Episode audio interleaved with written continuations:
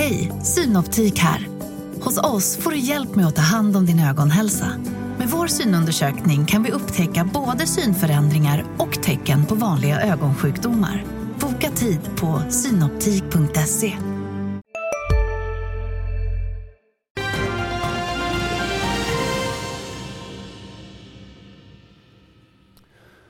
God morgon, varmt välkomna till Börsmorgon den här onsdagen där vi konstaterar att det var glädje på världens börser igår efter att USAs inflation visat sig lägre än väntat. Eh, de föll dock tillbaka något efter Stockholms stängning men de slutar ändå på plus. Breda S&P 500 var upp 0,7% Även i Asien steg de ledande börserna i natt och terminen i Stockholm pekar just nu på en öppning lite i mål. Den ligger på minus 0,2 Och i dagens program ska vi följa upp morgonens svenska inflationssiffra som kan vara viktig för börsutvecklingen framöver. Vi ser också fram emot eh, den amerikanska centralbankens räntebesked ikväll ska vi också prata om och så får vi ett gäng aktietips från våra gäster och från Swedbanks Robert Oldstrand och apropå gäster så presenterar jag Karl Armfelt, förvaltare i TIN Fonder. Varmt välkommen.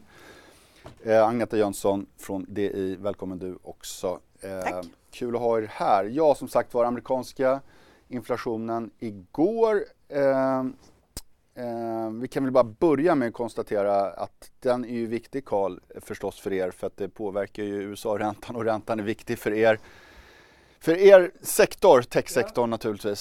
Så det var väl positivt ändå tycker du? Största inflationsuppstället på 45 år i år. Det är mm. ändå eh, det som varit verkligheten för oss som håller på med tillväxtaktier. Så mm. när räntan går upp så mycket då blir det ingen spa-upplevelse att titta på tillväxt. Nej. Så det har varit väldigt, väldigt tufft men om något så när vi träffar bolag nu så kanske det är mer prat om deflation i vissa kategorier än inflation. Så att diskussionen börjar att förflyttas. Mm.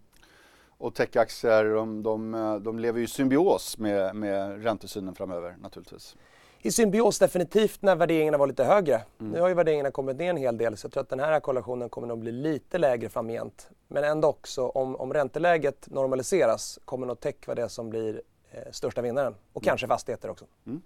Som sagt var USA-inflation igår och för mindre än en timme sedan kom den svenska inflationen för november, novembersiffrorna, alltså den landade på 9,5% i november om man räknar bort påverkan av räntor, den KPIF-inflationen som man säger. Och det var faktiskt något lägre än analytikernas förväntningar. Jag pratade tidigare i morse med Annika Wins, chefsekonom på Nordea. Hon sa så här. Ja, men långt över Riksbankens prognos som är på 8,8 eh, procent. Så att eh, det är klart eh, mer än vad Riksbanken har i sin prognos. Och det indikerar väl att det finns en större risk att Riksbanken höjer med 50 punkter i februari istället för de 25 som de själva har flaggat för. Um energipriserna har ju varit både volatila och höga naturligtvis och det är en stark påverkan av dem. Har du hunnit titta på vad siffran landar på utan energi? Är det en, en, en intressant siffra? Absolut, och den ligger på 8 eh, och Riksbanken hade en prognos på 8,1 där, så att eh, mer nära där. Eh, och, men 8% är fortfarande väldigt hög inflation och eh, det är som vi har sett tidigare eh, det är de stora grupperna, alltså räntor, eh, elpriser och livsmedel som stiger. Och det här är ju sådana priser som verkligen påverkar hushållen. Det är otroligt svårt att Eh, ta sig bort ifrån dem. Har man skulder så har man och elpriserna måste vi betala precis som livsmedelspriserna. Så det här slår ju eh, tydligt på ekonomin. Så det är bred front som, som priserna fortsätter att stiga på och 8 eh, ränta för energi är en bekymrande nivå för Riksbanken. Mm. Eh, Agneta, ganska viktig siffra här på morgonen, svenska inflationssiffran. Vi hörde Annika Wind sa att hon eh, trots alltså att den var lite lägre än väntat så var den ändå högre än vad Riksbankens prognos och hon förväntar sig kanske en höjning nu i februari på 50 punkter istället för 25. Ja, och nu ser man ju att vi kanske till och med får högre inflation i januari och februari också beroende på elpriserna. Mm. Det, till skillnad mot USA så har vi ju vårt elpris problem i Europa som är betydligt högre. Eh, och det gör ju att vi också ligger kanske lite före det här att om inflationen i USA toppat nu så kanske det dröjer att vår inflation toppar till våren. Mm. Men samtidigt så kommer elpriserna att komma ner. Sen får du det här som ett tåg som vänder på en kulla att först börjar det gå ner på elpriser och sen följer andra saker med. Eh, och sedan kommer du ha en betydligt lägre nivå i slutet av året, tror jag i alla fall. Mm. Um, ja, Nej, jag trodde du skulle försöka komma. Men, men, men det är viktigt Agneta, tänkte jag bara på att eh, eh, hur, i pass, hur stor grad de räknar med elpriserna när de gör bedömningarna, Riksbanken nu. Och det är väl sannolikt att de verkligen tar, ta med det naturligtvis. Precis, sen är det ju en väldigt svår faktor att bedöma också. Det är, bland annat är det ju väldigt vederberoende vilket vi ser nu. Mm. Eh, och sen får man ju titta man får ju också ta hänsyn till, även om man inte gör det officiellt, måste ju Riksbanken också ta hänsyn till vad som händer i omvärlden. Fortsätter räntehöjningar där och vi inte gör det, då blir kronan ännu svagare till mm. exempel. Så det finns mycket saker att ta med i den här kalkylen, men det jag tror är att det kanske kan gå lite snabbare än vad vi har eh, befarat. Vi har ändå sett många grejer som man ändå har lyckats lösa. Det var snabbt med att eh, södra Europa har lyckats importera flytande gas och den eh, kom igång väldigt snabbt tycker jag. Väderprognosen blir viktig onekligen också. Eh, mycket makro här på morgonen men det är ju mycket det som styr sentimentet just nu och eh, ytterligare vi ska prata ännu mer om det för ikväll kommer ett viktigt räntebesked klockan åtta från USA, från amerikanska centralbanken. Och eh, lite ny syn på det beskedet kanske och förväntningarna efter den här inflationssiffran från USA som vi har pratat om. Eh, många spår nu att de nöjer sig med 50 punkters höjning vid, vid kvällens policymöten. Eh, tidigare har man pratat om 75 eh, punkter. Det skulle i så fall vara fyra höjningar i rad med 75 punkter. Viktigt, tycker du, ikväll vad USA säger? Det är viktigt. Sentimentet har väl kommit tillbaka lite på aktiemarknaden, men det är fortfarande ganska bräckligt. Så mm. jag tror fortfarande närmsta halvår kommer vi leva i en miljö där, där tankar kring inflation kommer vara väldigt viktiga för, för börsen. Mm. Om de bara höjer med 50 nu istället för 75 punkter, uh, handlar mycket om vad han säger också i sitt tal klockan 8.30, men tror att det kan bli något glädjeskutt kanske? Det kommer nog vara lite fram och tillbaka närmsta kvartalet. Men jag tycker ändå när man träffar bolagen så är eh, budskapet entydigt att, att inflationen är på väg ned mm. eh, på många områden. Och sen finns det säkert naturgas och energi där det kommer ta lite längre tid i Europa. Men ändå så ser man ändå att när man gräver lite mm. så är inflationstakten nog på väg ned och det finns kostnadsinflation i vissa segment. Mm. Sen om vi tittar på förra gången när Fed hade möte, eh, då tittar man på att det skulle bli en lugnare höjningstakt, vilket det förmodligen blir nu med de här 50 punkterna idag. Men också att man signalerar att toppen kanske blir lite högre än vad man tidigare sagt, att man kanske toppar runt 5% i våren här. Mm. Så att de signalerna, om det har blivit någon ändring på det, är jätteviktigt att höra. Just det. Så kallade dotplotsen vad deras ledamöter tror om framtiden. Klockan 20 ikväll som sagt var Följ det på vår sajt och sen så 2030 håller Jerome Powell ett tal. Vi går vidare i nyhetsflödet här. Eh, Sint, eh, ett techbolag som jag vet Karl följer noga. De ställer in sin extra stämma eh, som skulle vara idag. Det beskedet kom så sent som igår kväll. Det handlar om att vissa aktieägare inte är nöjda med de prestationskrav i ett föreslaget incitamentsprogram som bolaget lagt fram.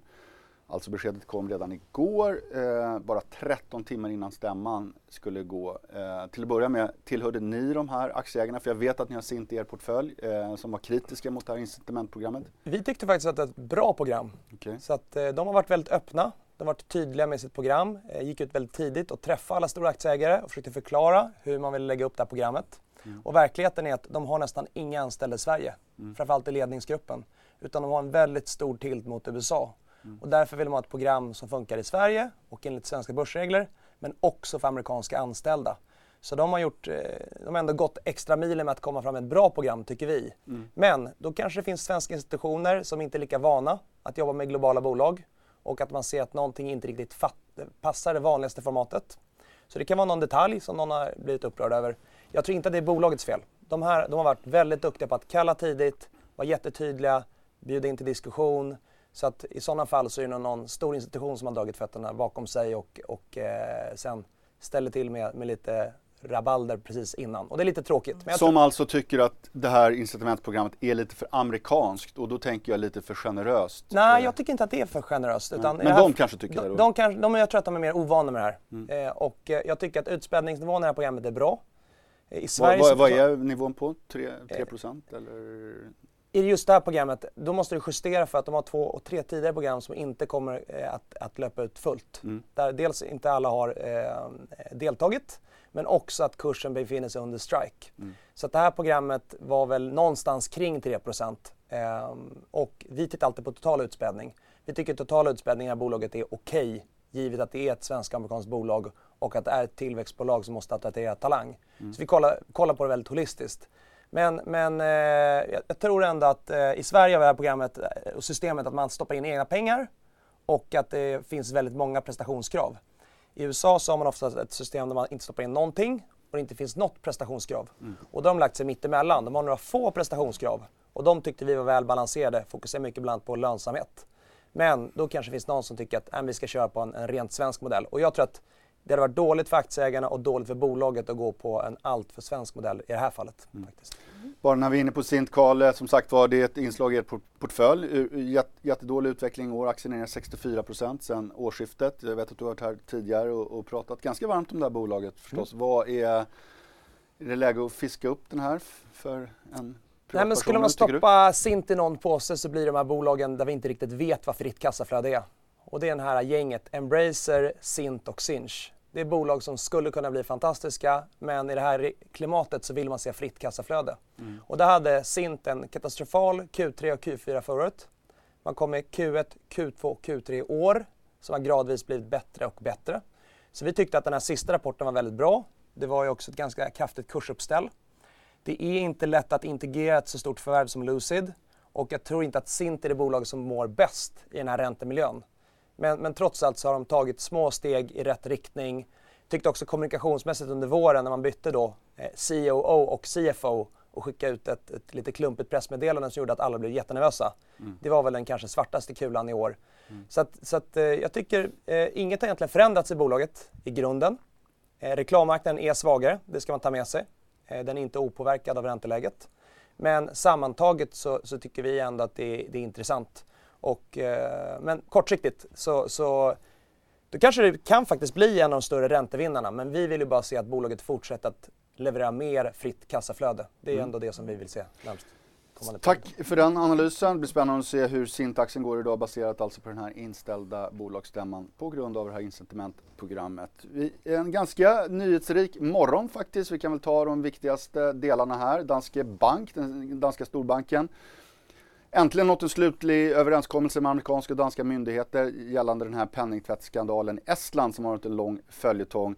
Totala böter motsvarande 15,3 miljarder danska kronor, ungefär i linje med det belopp de tidigare redan har meddelat om. Eh, Agneta, du följer ju banksektorn för, för tidningen. Är, är det här är historien klar nu för Danske Bank? Nu är den klar och det var skönt. De aviserade ju redan det här att de var ganska säkra på de här beloppen i mm. samband med rapporten för tredje kvartalet. Och nu är det avklarat. Nu kan man lägga det här åt sidan och fokusera på verksamheten. Det blir lite efterräkningar för aktieägarna därför att utdelningen baserad på vinsten 2022 ställs in också. Förutom den för 2021 som man inte har hunnit basera ut eller betala ut än. Mm. Men det är ändå jätteskönt att kunna lägga det här bakom sig. Du kommer att kunna få effekter på värderingen som har varit pressad lite utav osäkerheten mm. på det här. Så att nu kan de jobba på själva verksamheten istället. Mm.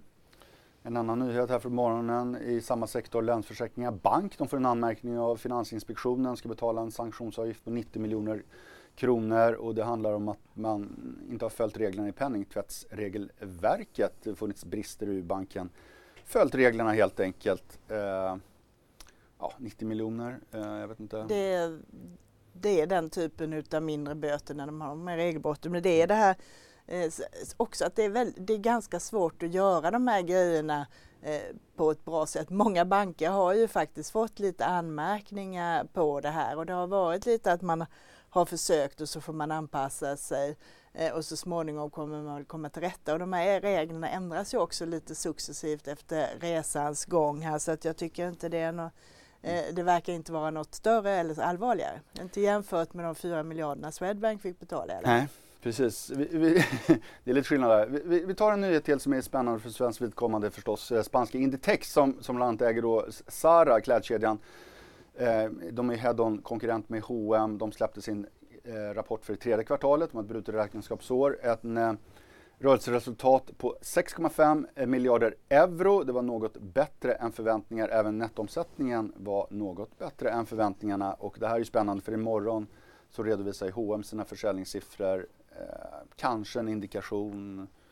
Eh, jag vet inte vad man ska Både, säga. Det är lite svårt för det har inte varit så lätt att dra eh, paralleller mellan de här två.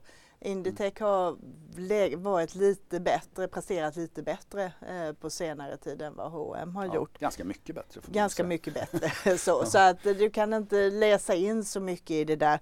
H&M låg väl snittet att de skulle öka försäljningen med 0,8 procent mm. men det var ganska spretigt i vad analytikerna väntade sig. Och där har vi fått många nedgraderingar Eh, på senare tid. Så tittar du på analytikersynen på H&M så spretar det väldigt mycket nu. Jag tror lägsta rikskurs, riktkursen är 70 kronor och den högsta 190 så mm. att det är en väldigt varierande syn på H&M. Och H&M ska vi prata mer om imorgon förstås. Då släpper de alltså försäljningssiffror, klädjätten, men nu har klockan slagit nio och Stockholmsbörsen är öppen.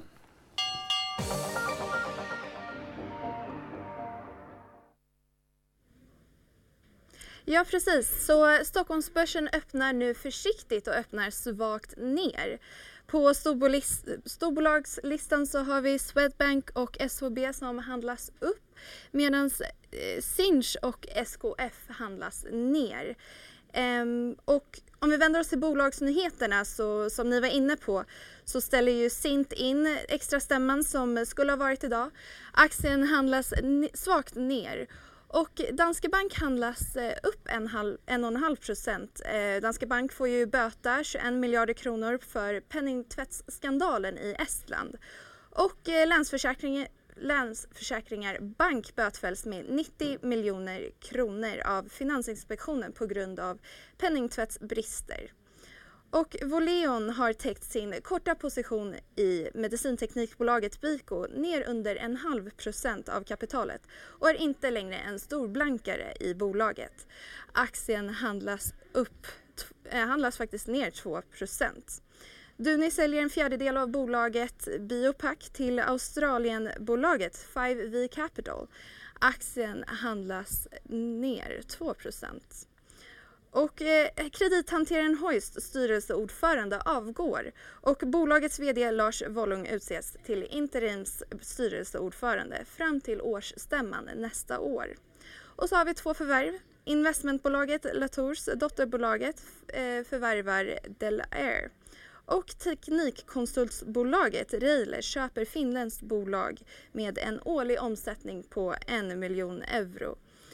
Och eh, aktierna, eh, Railers handlas upp 2 medan Latour handlas svagt ner. Och så till dagens rekar. JP Morgan sänker SSAB till undervikt i två steg. Rikskurs nu på 49 kronor. Nordea Markets sänker sin rekommendation för SKF till sälj från behåll. Rikskursen är 140 kronor. Men City höjer rikskursen för SKF till 181 kronor. City höjer rikskursen för Sandvik också med 20 procent till 242 kronor och upprepar köp. Och eh, ni har ju pratat om den svenska och den amerikanska inflationen. Jag kan ju nämna att den brittiska inflationen också kom in lägre än väntat. Ja, så Stockholmsbörsen handlas just nu svagt ner. Stort tack för det Lisa. Ja, vi såg, vi har pratat Sint här på morgonen. Karl, nu var den ner 1,5 procent ungefär. Ingen större kursreaktion på den inställda bolagsstämman.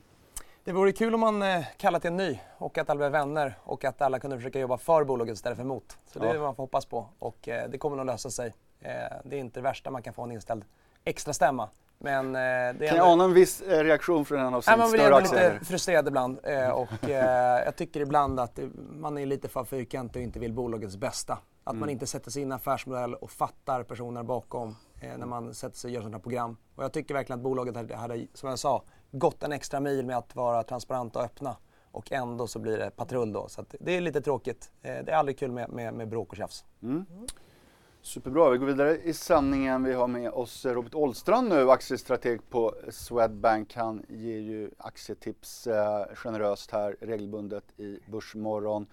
Den här gången vet jag Robert handlar om ehm, New Wave, profilklädesbolaget. Stigit med 25% under ett trist börsår. Är det inte för sent att gå in där nu undrar man ju. Då. Nej, nej, precis. Nej, vi tror att den har mer att ge aktierna. Ja, men det, det är ju svårt att eh, inte bli imponerad av eh, den operativa utvecklingen här under åren. Hur som du säger, aktien har gått relativt bra, men eh, vi, vi, tycker att den har helt klart mer att ge. Eh, de har ju trotsat all motvind här och levererat väldigt starka rapporter. Det är fantastisk tillväxt och, och till riktigt bra lönsamhet också. Men Om man blickar in i nästa år, så huvudscenariot är att vi, vi tror att de kommer fortsätta sticka ut och, och fortsätta leverera i en sektor och som, eh, ja, den är ju helt klart plågad. Men det handlar ju om att de är i en styrkeposition här och när konkurrenterna har problem. Både när det kommer till balansräkning och leveransmöjligheter. De har ju varit väldigt lyckosamma här under året och tagit marknadsandelar. Då. Så att även om nu marknaden skulle krympa så vägs det upp då att eh, då de kan kunna fortsätta ta marknadsandelar som vi ser det. Anledningen till att de gör det, det är att konkurrenterna till exempel inom företag då, och sportområdet har lägre servicenivåer och så fokuserar man ganska mycket på lagernivåerna och här tänker ju New Wave lite tvärtom. Här vill man hålla lite högre eh, lagernivå eller bra lagernivåer då och det gör ju att de kan garantera leverans, vilket har varit väldigt viktigt under året och då har man också kunnat ta betalt för det då. Så det, det som jag tycker också är intressant är att det är de stora delarna som växer. Eh, det är Craft och Cutter and Buck. Eh, det är tillsammans är det runt 40% av försäljningen då. För Craft har de nu också ett mål att man ska ju då eh, dubbla försäljningen fram till 2027 då, vilket innebär då en årlig tillväxttakt om 15 procent, om man vill se det så. Och nu står man ju också inför att lansera då Craft Teamwear i USA här under året. Så målsättningen är också att man ska växa då 10-15 procent över en cykel. Och den resan de haft i år är ju såklart väldigt, väldigt eh, fantastiskt och även då marginalmässigt tycker vi. Jag menar, de har ju dubbla här marginalen kring 6-7 procent innan pandemin. Nu ligger man ju på runt 15-16 procent och man har ju förbättrat interna processer, bättre hävstång på grund av storlek. Men de här nya marginalerna tror jag att vi är hållbara. Vi räknar inte med kanske att de ska fortsätta expandera då, men, men det ser onekligen attraktivt ut. Kan man få fortsätta leverera tillväxt då med bibehållen marginal. Sen är det ju det här med förvärv. Ehm, de har ju nyligen gjort ett förvärv, den här BTC Activewear, men vi utesluter inte fler värdeskapande förvärv framöver. Man har inte direkt varit aktiv på det, men man har ju balansräkningen eh, för det då. Så att tittar man då, Torsten och Jansson sa också här på senaste tiden så har det länge varit för dyrt, men nu tycker han att värderingen kommer ner runt 20-25 procent. Så att eh, jag ska inte utesluta att vi kan få lite förvärvsdriven tillväxt här framöver.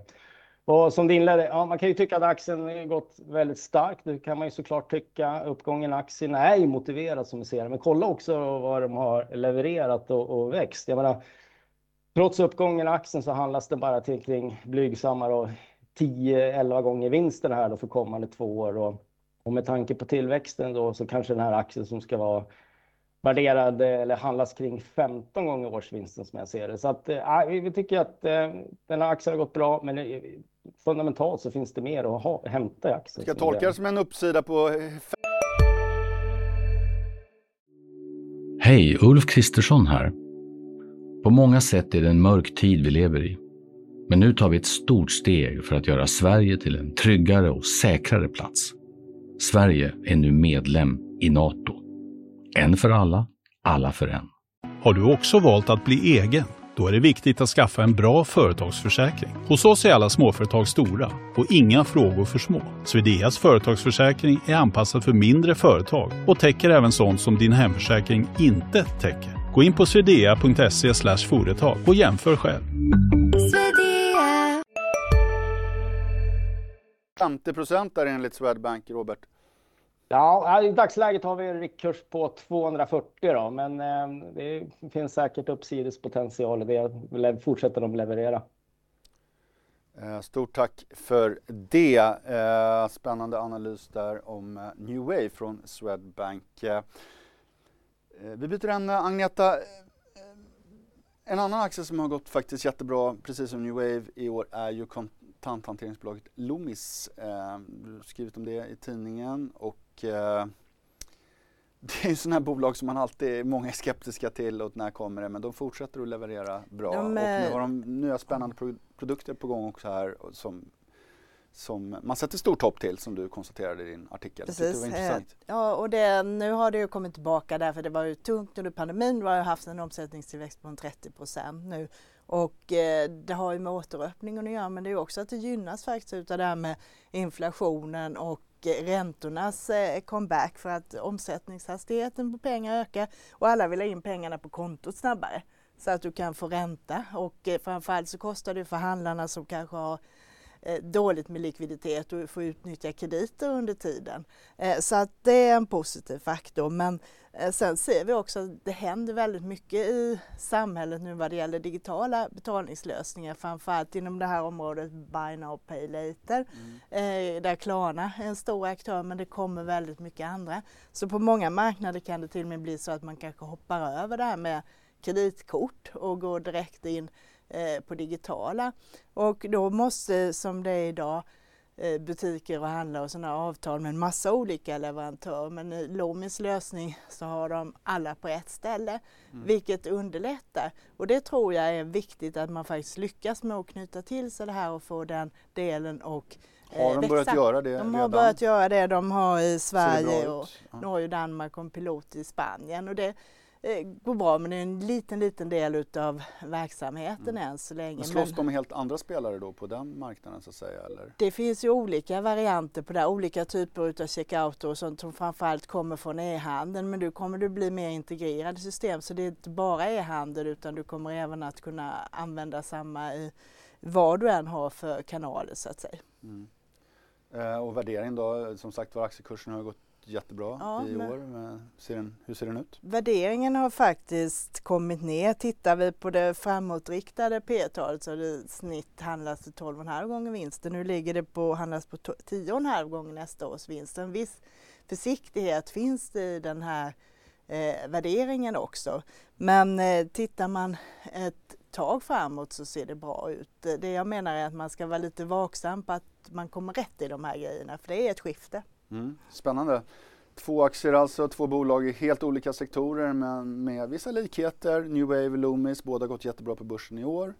Hyfsat värderingar runt P tal 10-12 på närmaste året. Jag vet inte, det är inte bolag i din sektor överhuvudtaget det här Karl, men du kanske har någon spontan reflektion ändå? Ja, men det, vi håller, det jag håller med om är att vi har träffat rätt mycket mjukvarubolag mm. som gör omnilösningar där man ska lösa någonting fysiskt i en kassa och digitalt för en mm. e-handlare. Mm. Så att den approachen, det kommer nog bli mycket, mycket mm. viktigare och kanske då att de kan göra lite förvärv även då med lite mer online-orienterade mm. bolag. Just det.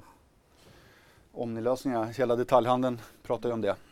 Alla pratar om det men, men man märker ändå att det är fortsatt fokus och de som har lyckats med det bra, de, eh, det är stor skillnad. Och, och där finns det framförallt då lite mindre mjukvaruaktörer som vi har träffat så man får se hur stor effekten blir. Och den kan bli ganska påtaglig. Mm. Karl, vi ska prata lite om Tim Fonder eh, och era innehav. Vi har, jag tror vi har en skylt här som visar era stora innehav. Eh, spännande där, många välkända eh, namn förstås, eh, några som kanske är lite mindre kända. Sint har vi pratat om tidigare, men Embracer är ju, har ju länge varit en småspararfavorit, en besvikelse. eh, i år, nedgång 45 måste väl vara ert sämsta innehav kanske mm. till och med, eh, med tanke på att det är ganska tungt i er portfölj. Bland topp 10 så är det kursmässigt vår absolut största besvikelse i år. Mm. Och jag tycker även att Q3-rapporten, bland våra större innehav, så var det också den största besvikelsen. Jättedålig reaktion på Q3-rapporten och eh, vi pratade lite innan här, du menar att det handlade lite om dålig kommunikation från deras sida? Ja, det tycker jag ändå var den svagaste biten i rapporten. För någonstans när man kom till börs så sa man det här ska vara ett långsiktigt och bra hem för mm. dataspelsutvecklare. Mm. Om man då går ut i Q3 och säger att nej, men vi är inte helt säkra på att det är bra att vara ett decentraliserat bolag. Mm. Vi kanske ska dela upp där. Som har varit hela grunden i affärsidén? Det är hela grunden. Då, och, och, det var i alla fall så det tolkades. Sen mm. kanske inte var det de menade med rapporten, men så tolkades det. Och, och om man säger det, då, då, är det naturligt att man får den reaktion som man fick. Mm. Så att kommunikationsmässigt tycker vi att det definitivt var eh, absolut den sämsta rapporten nu i Q3. Vi kan väl bara recappa för de som inte har hängt med. Liksom Embracer som har köpt på sig massor med bolag inom helt olika spelsektorer och sen mm. helt plötsligt säger de då att nej men vi kanske ska jag vet inte de, hur de uttryckte det. Men, jag tror inte egentligen det var det jag menade, men nej. det var så det tolkades. Okay. Och summa summarum då, vad tror vi på? Vi tror på en decentraliserad modell. Mm. Jag tror inte det finns något alternativ för Embracer än att köra en decentraliserad modell. Men jag tror att man måste vara lite tydlig med sina ägardirektiv till de här olika bolagen som man har investerat i. Hur stor del av operationellt kassaflöde ska de återinvestera i sin verksamhet? Både att växa antalet anställda men även i stora nya titlar som ändå slukar mycket kapital. Mm. Så vi tror på en decentraliserad modell. Vi tror att de kanske måste vara lite mer då öppna med sina direktiv och inte bara säga men trust us, vi kör på en black box. Det kanske inte kommer fungera framgent. Sen finns det ett antal till punkter och jag tror definitivt Embracer är ett bolag med stor uppsida. Men du kommer inte få något gratis. Och om de inte betar av de punkterna, nej men då, då ska man nog som aktieägare bli lite mer skeptisk. Vilka punkter är det? Vilka liksom, eh, faktorer ska man titta på som utomstående bedömare av Embracer som är viktigt? Ja, först och främst måste man då ha ett tydligt budskap. Vad är det man tror på själva? Under Q-rapporten så sa de inte en enda gång när de presenterade att vi tror på våra, våra studios vi har köpt. Mm. Utan de pratar bara om problem. Så att, att sätta ut en tydlig eh, strategi och sen eh, springa i en, en, riktning eh, åt rätt håll. Det tror jag är viktigt. Mm. Sen tycker jag att nu i nästa kvartalsrapport så, så hoppas vi på att man ser lite bättre fritt kassaflöde. Jag tror ändå att alla bolag som visat på någon slags svaghet i kassaflöde har, har, har straffats väldigt, väldigt hårt. Så det är viktigt. Eh, och sen så, så, så, har Lars ändå de sista 30 åren alltid haft modus operandi att han haft lägre skuldsättning än sina konkurrenter. Och det är därför han kunnat göra bra deals. Så att de kan visa på lite lägre nominell skuldsättning under 2023. Det tror jag är viktigt. Mm. Och utöver det då, visa på att man är ett bolag som både kan vara serieförare och driva organiskt. Och, och, det tycker jag att eh, det finns det några möjlighet att vara. Men det har man inte pratat så mycket om och definitivt inte lyckats kommunicera utåt i aktiemarknaden. Så att de punkterna tror jag liksom att det är det man ska fokusera på som aktieägare och det måste de uppvisa eh, för, att, för att kunna vara ett bra långsiktigt hem då. Så det låter som man behöver inte panik om man väntar att gå in i den aktien just nu om man inte redan har ett stort innehav? Eh, kanske, kanske inte. Eh, jag tycker någonstans då att största besvikelsen rent operationellt var ändå Saints Row. De har investerat mycket pengar och nu pratar man då en ROI kring 1. Det är väldigt lågt och eh, det är lite olyckligt att det är den första titeln som släpps av deras större AAA-titlar eh, som kommer närmsta åren. Sista veckorna har ju faktiskt kursen börjat gå lite bättre. Kanske lite på grund av räntorna, men också så har det varit lite positiva, eh, positivt brus då. Framförallt kring en titel som heter eh, Dead Island 2. Och utöver det så kommer det också faktiskt med två ytterligare uppföljare nästa år. Så ett, ett, en titel som heter Space Marines 2 och sen så har de även uppföljare som heter Remnant 2 som de pratade om förra veckan på, på Game Awards. Så att eh, utöver de här andra punkterna då, att verkligen se att de här tre titlarna som ändå nog inte lika stora som, som Saints Row i investerat kapital ändå får en OK ROI. Det tror jag också är väldigt, väldigt viktigt. När jag såg första trailern för Saints Row så fick jag ändå ont i magen. Jag tyckte att det var en riktigt dålig trailer och det kändes inte bra. Eh, när man såg första trailern för Dead Island 2 så var det tvärtom. Det känns som en titel som faktiskt kan skapa stort värde och där man tänkt igenom och fått ett bra projekt från starten. Så att summa summarum, ett bolag med uppsida men det kommer, inget kommer komma gratis för Embracer utan de måste visa på att, eh, att de jobbar i rätt riktning.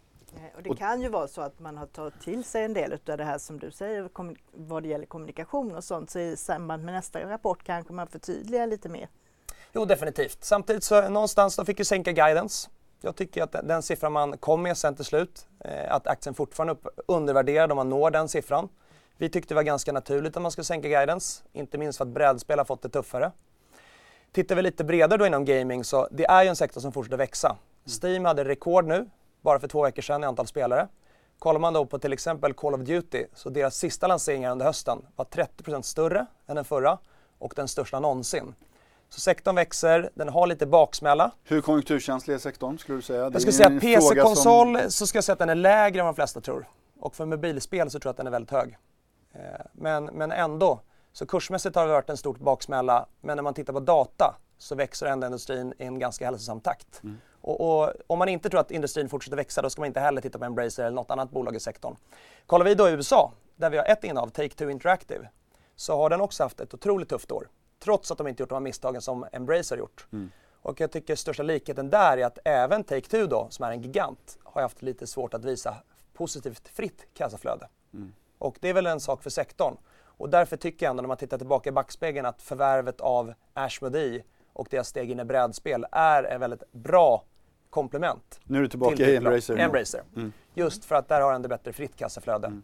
Så, att, så att både Take-Two och Embracer tycker jag ändå, de har blivit straffade för, för sitt svaga fria kassaflöde. Och Embracer tycker jag någonstans att det är lite mer självförvållat i år. Och det är alltid extra frustrerande. Bra, eh, tack för det Karl. Vi ska prata mer med dig och med Agneta men vi går ut till Lisa nu i Marknadsstudion och, och kollar hur börsen har gått.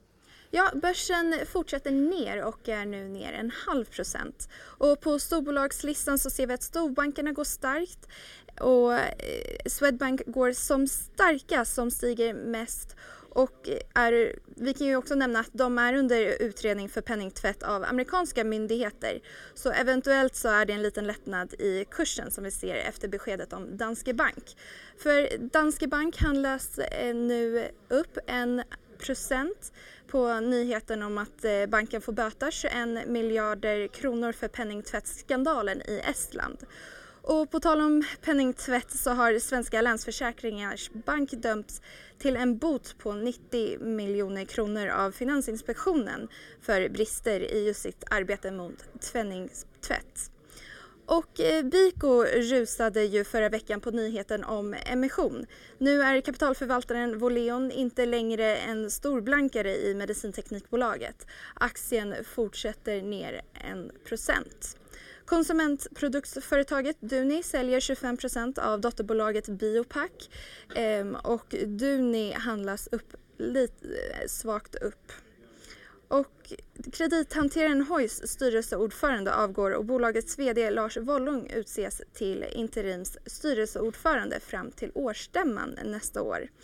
Note har ju kapitalmarknadsdag idag. Aktien handlas upp svagt runt nollan. Bolaget väntas nå marginalmålet tidigare än väntat och bekräftar sina intäktsmål. Om vi vänder oss till rekarna så SSAB och SKF fortsätter att backa efter sänkta rekar och Hexagon har fått en höjd riktkurs. Vi kan ju också eh, nämna att eh, Railers fortsätter upp efter eh, efterköp. Stort tack för det Lisa eh, Reilers upp alltså också efter att ha gjort ett förvärv. Eh, ganska trist börsdag som vi såg efter en uh, stort rally igår. Men banksektorn går bra Agneta konstaterar vi.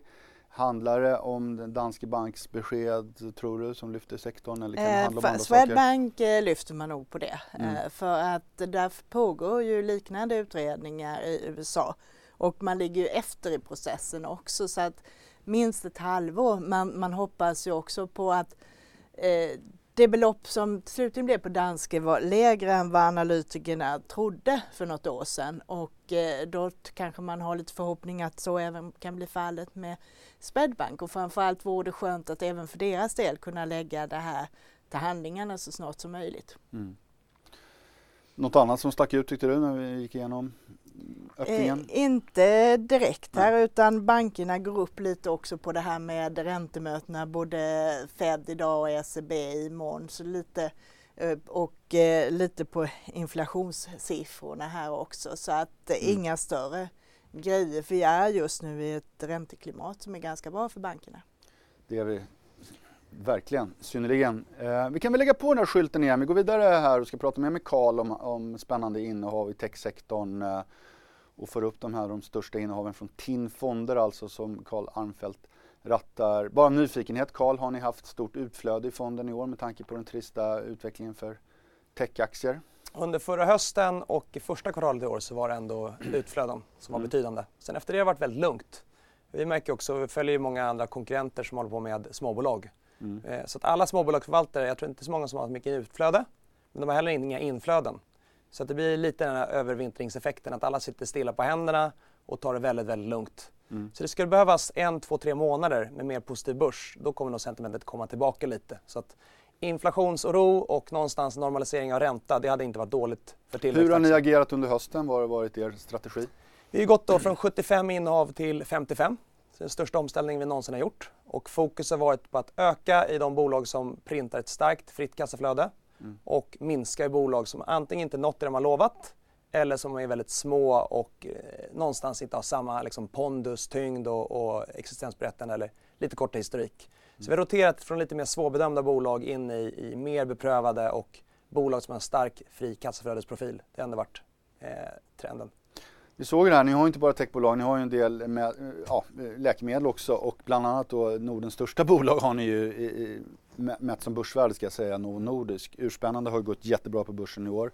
Diabetesmediciner mm. börjar bli mer och mer komma in på fetma som är ju en väldigt stor läkemedelsgrupp också. Mm. Eh, tror du fortsatt på den?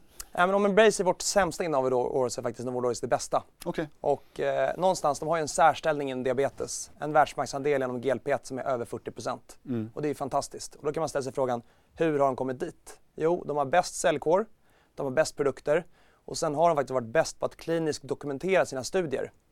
Eh, och det har varit det genomsyrande de sista åren. Men även vi nu har underskattat hur snabbt och hur viktig den här fetmaprodukten kommer bli mm. för Novo Nordisk. Och där har de kommit med sin första produkt, men de har ganska många i pipeline. Och nu så, om man tar lite exempel då, Elon Musk och Kim Kardashian äter faktiskt deras produkt Ozempic. Mm. Det också börjar bli den mest TikTokade medicinen någonsin i USA. Så det här är ett bolag som är i en otroligt stor omställning. Nu kom det nya riktlinjer från Kanada bara för några veckor sedan. Och det de också säger är att vi måste sluta att fokusera bara på viktnedgång utan vi måste tänka på kringliggande sjukdomar när vi behandlar patienter. Och det som är unikt då för Novi är att de är de enda som egentligen har dokumenterat också kringliggande effekter i större utsträckning än sina konkurrenter. Liknande säljkår, eh, de är duktigare även förhoppningsvis då inom det här området att göra klinisk dokumentation och göra studierna på rätt sätt. Och eh, då har de faktiskt en, en väldigt stark position nu att ta en stor bit även inom fetma. Och, och, det är därför nu som man märker att även om man åker till USA och New York och träffar förvaltare, jag var där förra veckan och träffade både bolag men även några av våra branschkollegor, mm. så märker man att Novo är på allas läppar och det är inte längre ett nordiskt bolag utan det är fler och fler internationella förvaltare som tänker att ja, men det här är nog bästa läkemedelskandidaten inom, inom det här området. Mm. Spännande. Några tankar kring det? Nej men det har ju, de har ju gått fantastiskt bra och gjort väldigt bra ifrån så aktien är ju nästan på all time high nu. Mm. Eh, vi har ju också sett eh, intresse för Astra i år också så att lite utav det här kommer nog som en motvikt till de sektorerna som har haft det motigt att mm. en del kapital har sökt sig till läkemedel mm. som safe haven helt enkelt. Mm. Och bli, blir det räntenedgång då kommer inte Novo Nordisk vara den kortsiktiga vinnaren. Men ändå, tänker man sig lite mm. större på, på 3 till 5 år mm. så fortfarande så är det nog ett av de bolag som vi verkligen blivit mer optimistiska till sista halvåret. Mm. Trots då att det är Nordens största bolag. Eh, så duktiga som de är på kapitalallokering och kan man bara upprepa det här med klinisk dokumentation då, då, då, är det jätteintressant. Jag tycker utöver då att många kändisar har börjat ta sådana här mediciner så om man tänker sig longevitet och sånt så har ju väldigt många nu i USA börjat äta Metformin. Det finns studier som visar att en person med diabetes typ 2 som äter Metformin lever längre än en, en frisk person som inte äter det. Så att Metformin kanske blir en sån medicin som alla över 60 kommer att äta. Vad är det för någon medicin? Metformin är en av de äldsta diabetesläkemedlen som finns. Mm. Eh, och någonstans, statiner ges nu till väldigt många i en viss åldersgrupp. Metformin kanske kommer göra det. Tittar man på hur är produkten, både Ozempic och Wegovy som Novo Nordisk har, så är det att du går ner ungefär 18-20% av din kroppsvikt av att ta den. Mm. De kommer också med nya varianter och bättre läkemedel där man går ner uppåt 22-23%. Men om du slutar äta det så går det upp igen.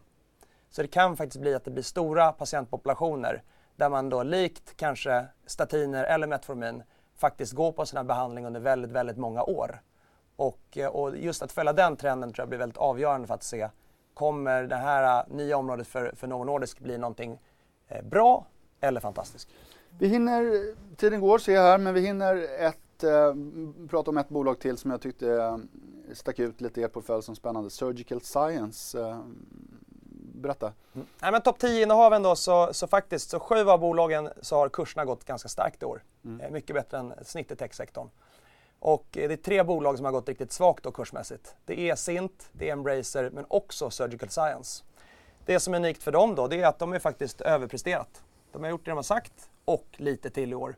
De gjorde ett stort förvärv här eh, mm. och nu har vi träffat dem tre eller fyra gånger efter det förvärvet. Och varenda gång och även på sista kvartalsrapporten så upprepar de ju att, att det bolaget går bättre än vad de hade trott när man gjorde förvärvet.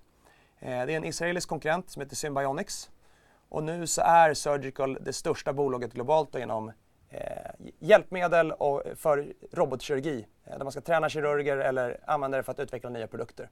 Varför har de gått så svagt i år skulle du säga? Vad är din analys?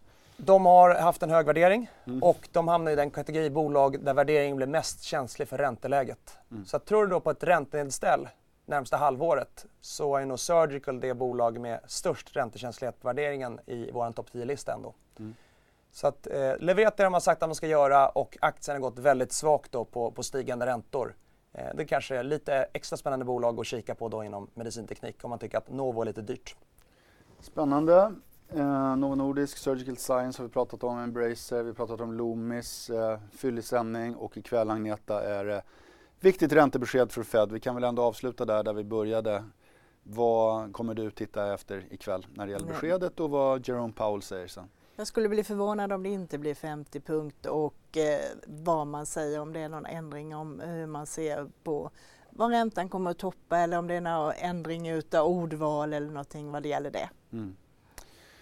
Följ det eh, på, i vår tidning naturligtvis, på vår sajt. Klockan 8.45 är vi tillbaka imorgon bitti igen. Klockan är nästan halv tio. Tack för att ni har varit med oss här hela morgonen. Ha det bra.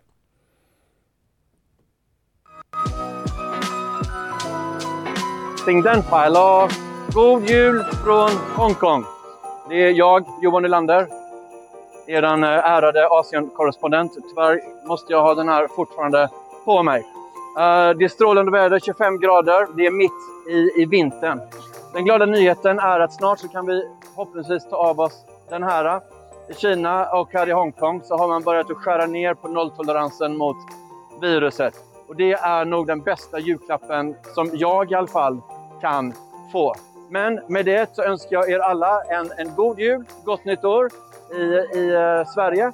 Och eh, vi ses när jag kommer och hälsar på. Ha det gott allihopa! God jul! Sandin Filo!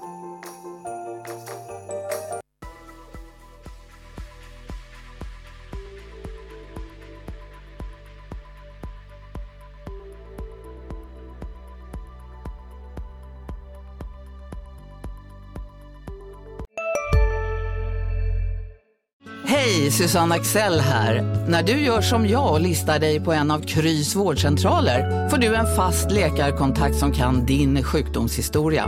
Du får träffa erfarna specialister, tillgång till lättakuten och så kan du chatta med vårdpersonalen. Så gör ditt viktigaste val idag, Lista dig hos Kry. Ni är med om det största och det största är den minsta. Ni minns de första ögonblicken och den där blicken gör er starkare. Så starka att ni är ömtåliga. Men hittar trygghet i Sveriges populäraste barnförsäkring. Trygg Hansa. Trygghet för livet.